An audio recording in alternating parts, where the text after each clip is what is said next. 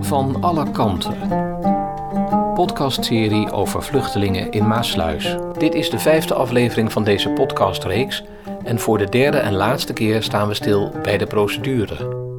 Daarover hoor je Peter den Boer, Rani Hamad, Sjoerd Kuiper, George Markabawi en Sherstin Hes. Ook heel mooi was dus het gesprek thuis, eh, als je wat langer doorpraatte met de mensen.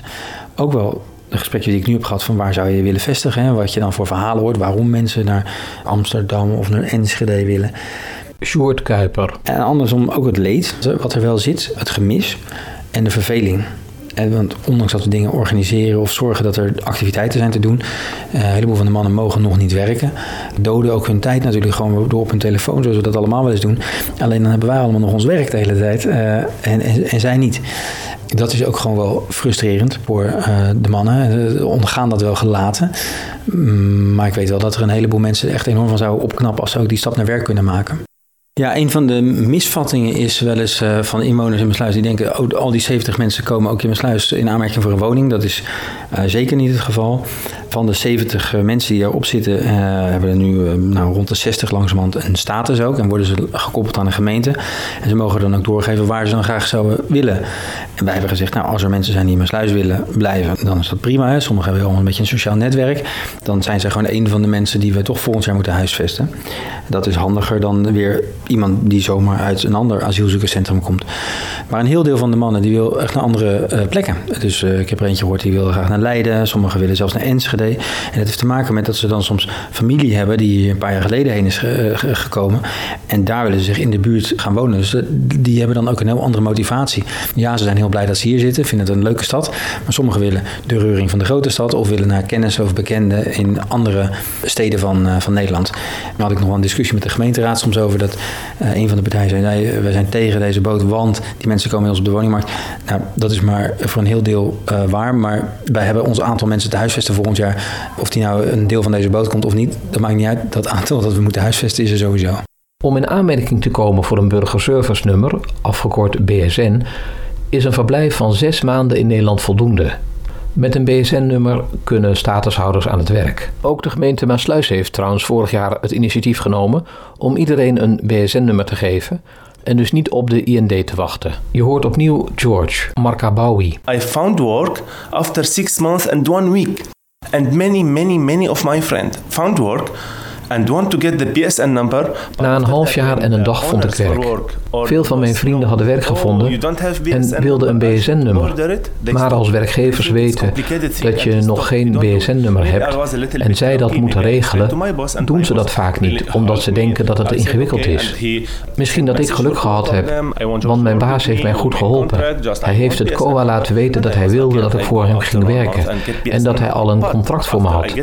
Dus kreeg ik een BSN-nummer. Veel van mijn vrienden wilden dat ook, maar kregen van het COA te horen dat de IND een achterstand had en dat het daarom langer ging duren. Maar dat begrijp ik niet.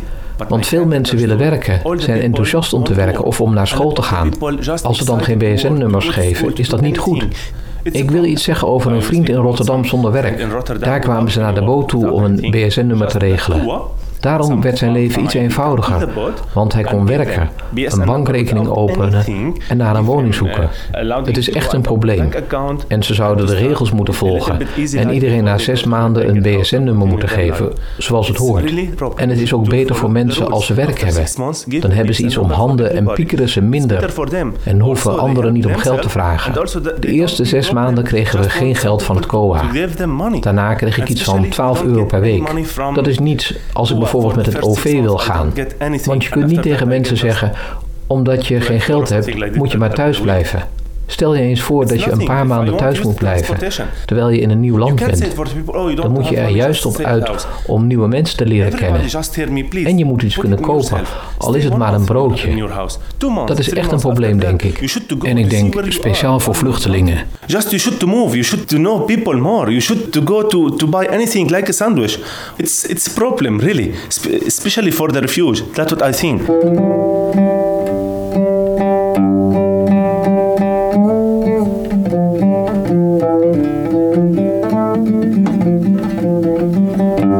Zou Kerstin Hes aan de procedure willen veranderen als ze dat kon? Honderden dingen. Ik bedoel, alleen al die termijnen, dat is natuurlijk een, een drama. En ik snap heus wel waar het vandaan komt. En dat we allemaal understaffed zijn en dat we allemaal mensen moeten opleiden en dergelijke, begrijp ik enorm goed. Maar enige duidelijkheid. Weet je, ze worden het bos ingestuurd, ze worden in dit geval hier naar de boot gestuurd. En eerst wat ze vragen is: wanneer is mijn volgende interview? En heel eerlijk gezegd heb ik er geen antwoord op. Officieel, wettelijk moet dat binnen zes maanden. Maar als er hier iemand op de boot zit die binnen zes maanden dat onderzoek eh, gehad heeft, dan eet ik mijn schoenen op. Want de, meeste is tussen acht en de tien maanden.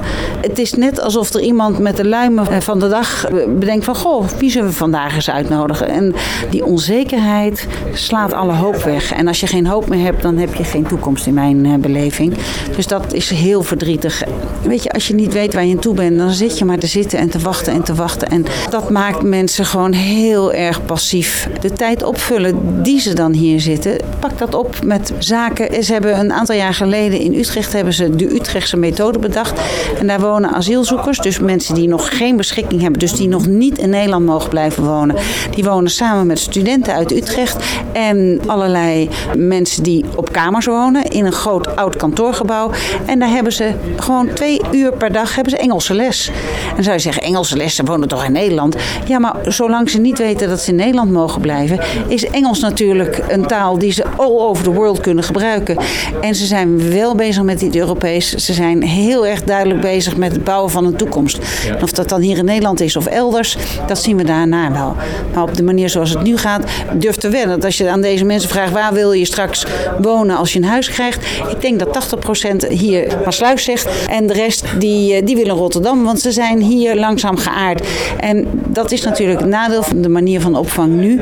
Aan de andere kant, ja, als je ergens al 15 maanden zit en je hebt daar al net je nieuwe leven opgebouwd, dan snap ik ook dat ze dat dan straks ook weer willen. Sure, at that time I was sad. Rani Hamad. I start getting depression. Sometimes I start to decide to take some medicines for the depression. I lock myself in the room. Zeker. In die tijden was ik verdrietig en depressief. Soms besloot ik medicijnen te nemen tegen de depressie. Sloot mezelf dagenlang op in mijn kamer en stopte met het leren van de Nederlandse taal. Ik was goed bezig Nederlands te leren, maar gedurende drie maanden stopte ik daarmee, omdat ik niet wist hoe dit zou aflopen. Alles in mijn leven stopte eigenlijk. En ik kwam op een punt dat het heel moeilijk was om erover te praten. Mijn leven was een grote puinhoop geworden. Ik wist niet wat er zou gaan gebeuren. Ik wist dat er niks aan de hand was met mijn verhaal of dat er iets anders was. Dat maakte het nog moeilijker. Ik kon niet bedenken waarom dit zo gebeurde.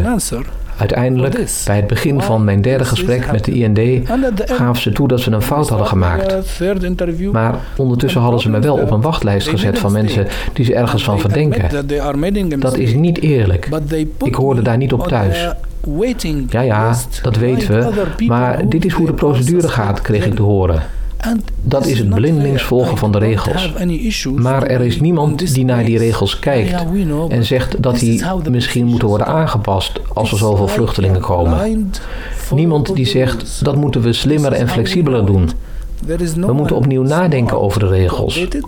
Maar in plaats daarvan volgen ze nog steeds dezelfde regels die ze al zo lang gebruiken. Voor hen maakt het niks uit. Zij krijgen hun geld toch wel. Om vijf uur stoppen ze met werken, gaan naar huis, naar hun vrouw en kinderen om te eten. Maar zij ondergaan niet wat wij ondergaan. Dus zij kunnen zich ook niet verplaatsen in wat wij meemaken. Als je niet wilt dat ik hier ben of blijf, dan had je dat duidelijk vanaf het begin moeten zeggen. Maar je kunt me niet eerst accepteren en me op zo'n slechte manier behandelen. Uiteraard zijn we dankbaar voor de hulp van Nederland en van Nederlanders en van de regering. Maar als je iets goed doet, moet je daar wel mee doorgaan. Je kunt me nogmaals niet welkom heten en dan aan mijn lot overlaten. Er zijn veel regels en ingewikkelde onderwerpen zonder dat uitgelegd wordt hoe het zit. Daar moet je dan zelf maar achter zien te komen. En soms weet je advocaat het antwoord ook niet. Stel je eens voor dat zelfs een het niet weet, omdat het te ingewikkeld is. Wat verwacht je dan van mij? Een eenvoudige persoon die niets weet van dit kleine land. Hoe krijg ik dan antwoord op mijn vragen? Even sometimes you are going to your lawyer and they even don't have an answer. Imagine a lawyer in this country don't have an answer. because it's too complicated. So what about me? I'm the new man here who don't know anything about this uh, country. How I will have an answer for my issue?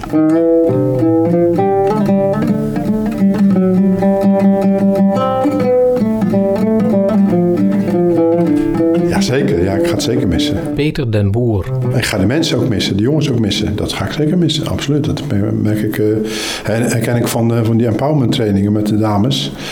Dat was ook uh, na tien weken afscheid nemen. En dat is, dat is echt lastig. Je hebt met heel, heel veel dingen met elkaar meegemaakt. Ze vertellen heel veel intieme dingen.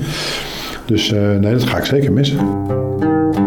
Je luistert naar Van alle kanten over vluchtelingen in Maasluis. George Markabawi. A lot of refugees coming to here maybe because they're coming from war country, destroyed country or they have bad situation in their country or they can't stay in their country. Everybody has situation. Veel vluchtelingen komen hier naartoe. Misschien omdat er oorlog in hun land is of omdat hun land in puin ligt of omdat er andere slechte omstandigheden zijn. In ieder geval kunnen ze niet meer in hun land blijven door de slechte situatie. Alle vluchtelingen die hier komen hebben psychische problemen door wat ze hebben meegemaakt. Ik wil dan dat de procedure duidelijk is en hetzelfde voor iedereen. Dat is belangrijk voor mensen. Ze zijn vol verwachting hier naartoe gekomen, willen werken, iets doen. Ze zijn naar dit land van hun dromen gekomen. Iedereen die ik heb ontmoet heeft dat tegen mij gezegd, dat ze naar hun gedroomde land zijn gekomen, hun droomland. Ze willen hier iets doen, aan de slag gaan. Want in ons land hadden we niks om handen en verdeden we onze tijd. Veel tijd ging verloren door oorlog of andere zaken. We zijn enthousiast om naar de universiteit te gaan, enthousiast om te gaan studeren, vooral de jongeren. Ik hoop dat het COA samen met professionele mensen ons wil helpen. Zo wil ik bijvoorbeeld graag naar de universiteit. Ook vrijwillig zou ik er wel iets willen doen. Ik spreek Engels en zou op de universiteit mensen kunnen ontmoeten, wat mijn leven veel aangenamer zou kunnen maken. Maar help ook andere mensen die willen doen wat ze in het verleden gedaan hebben. Ze waren misschien chauffeur of werkten op een boerderij, want daardoor kunnen ze ook mensen ontmoeten en leren ze hoe het hier aan toe gaat. Ik denk dat dit veel beter voor ze zou zijn. And also he met people and he know how it's work here. I think in my mind it's better for them.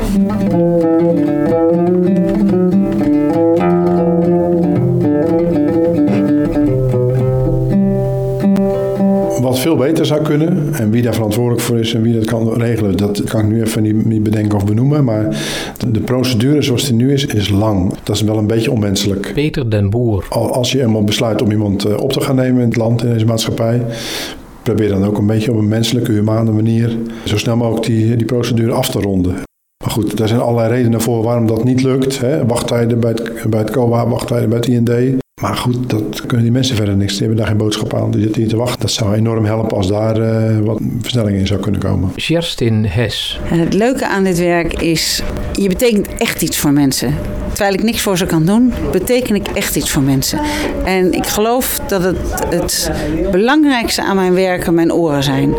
Dat ik gewoon eens rustig voor ze ga zitten en mijn oren ja, luisteren naar wat ze te vertellen hebben. Ze hebben hier niemand aan wie ze het verhaal kwijt kunnen.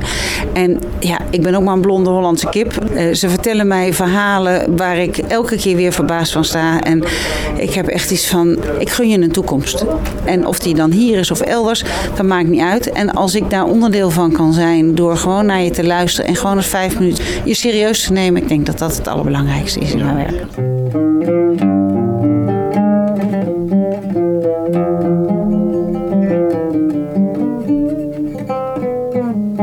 Rani Hamad.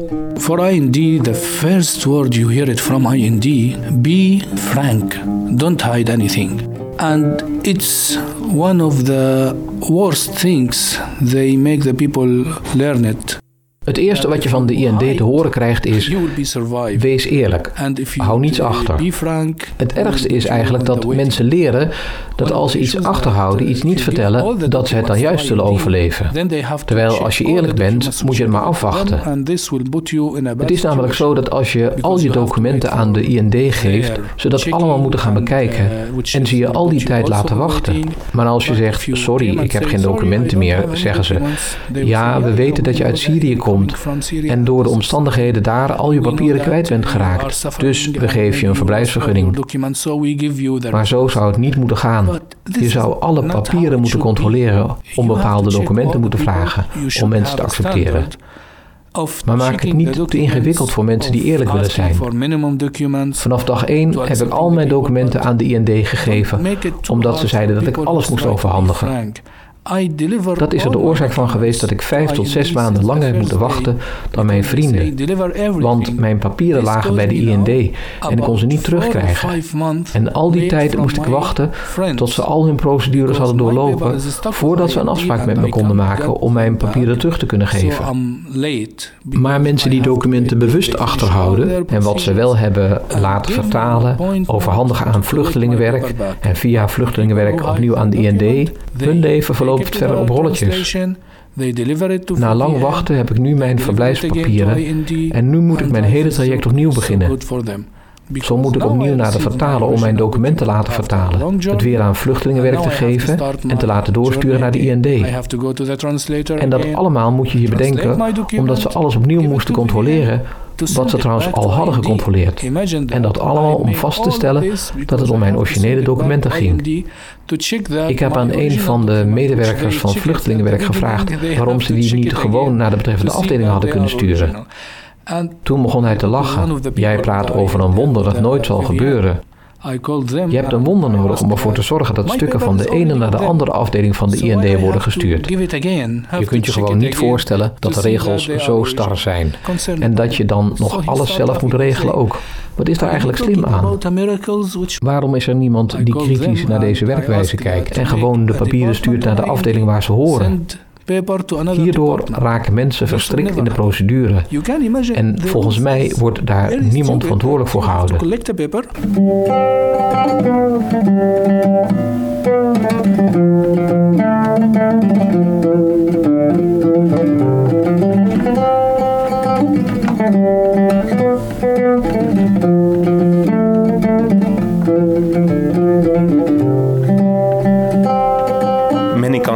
It's really destroyed and the refugees coming to here really to inburgering here if they do it to get a new life here. George Markabawi. Veel landen liggen in puin en veel mensen komen hier naartoe om hier hun inburgering te doen en een nieuw leven op te bouwen. Daarover zijn ze heel enthousiast, maar ze willen daar een beetje hulp bij om dat op de juiste manier te doen. Echt. Ik droom ervan om mijn hele verdere leven hier door te brengen. En ik zeg het voor de laatste keer. Dit is mijn droomland. Really, I hope and I dream to spend all my life in this country. For the last time I'll say it, it's my dream country. Wat ik echt kwijt wil is vertellen dat dit ook maar mensen zijn. Het zijn geen enge Marokkanen of vandalen of criminelen. Het zijn gewoon mensen die huis en haard hebben achtergelaten. Die vaak met één rugzakje echt vertrokken zijn. Moet je je voorstellen wat er gebeurt als je met het tasje wat je nu in je hand hebt vertrekt. En, laten we zeggen naar China, waar je de taal niet spreekt, de letters niet kan lezen, cultuur niet begrijpt. En je zit daar en dat is je toekomst. En die probeer je daar weer op te bouwen. Vluchtelingen vluchten niet zomaar omdat ze hier een betere toekomst denken te krijgen. Ja, ze denken wel een betere toekomst te krijgen, maar het heeft geen economische binding of geen economische factor. Heel veel komen uit grote huizen, rijke steden. Syrië was een heel rijk land voordat het daar echt hommeles werd. Dus die komen hier echt omdat ze daar geen leven meer hebben, bommen op hun hoofd krijgen en hier veiligheid zoeken. Misschien moet je dat eens realiseren als je met een grote boog overkant van de straat om die enge mensen heen loopt. Dat zei Kerstin Hes van Vluchtelingenwerk tot besluit van deze vijfde aflevering van Van alle kanten. Die voor de laatste keer gewijd was aan de procedure. Je hoorde in drie afleveringen ervaringen van vluchtelingen daarmee.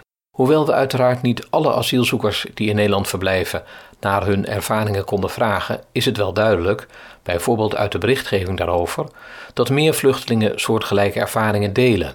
Rani Hamad, die in de afgelopen drie afleveringen aan het woord kwam, is inmiddels statushouder en heeft naast een woning ook werk gevonden bij een grote internationaal opererende onderneming in Rotterdam. In de zesde en laatste aflevering gaat het over toekomstdromen die vluchtelingen hebben. Ik ben Sadal Kassoum. Ik ben 31, ik kom uit Syrië. Ik woon hier in Nederland sinds anderhalf jaar. Ik vind het leuk en werken met kinderen, omdat de kinderen altijd eerlijk zijn. Je krijgt ook een band met kinderen. Ze, ze vertellen alles aan jou. Dus je wordt een soort van familie met kinderen. En kinderen zien, zien jou meer dan hun ouders. Dus dat, dat vind ik altijd leuk. Ik heb uh, politieopleiding gedaan. Het leek me in het begin heel erg leuk. En het was echt een, een uitdaging voor mij, omdat ik dat al in Syrië wilde. En nu kan ik het wel. Nu hier kan een vrouw als een politieagent zijn, maar daar niet. Dus dat was leuk. Uh, na een tijdje dacht ik van, oké, ik ben te sociaal. Ik wil echt iets betekenen voor de vluchtelingen. Omdat ik zelf vluchteling ben geweest. Zelf gevlucht, zelf in de opvang gezeten.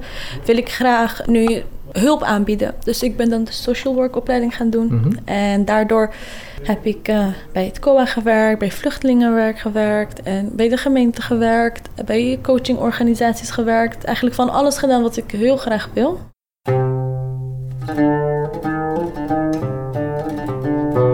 Dit was Van alle kanten door Krit Wilshuis, tekstinzicht audio. Muziek Biam Arbash. Adviezen Peter den Boer, Patricia van Lingen en Frank Wetters. Met dank aan Gemeente Maasluis.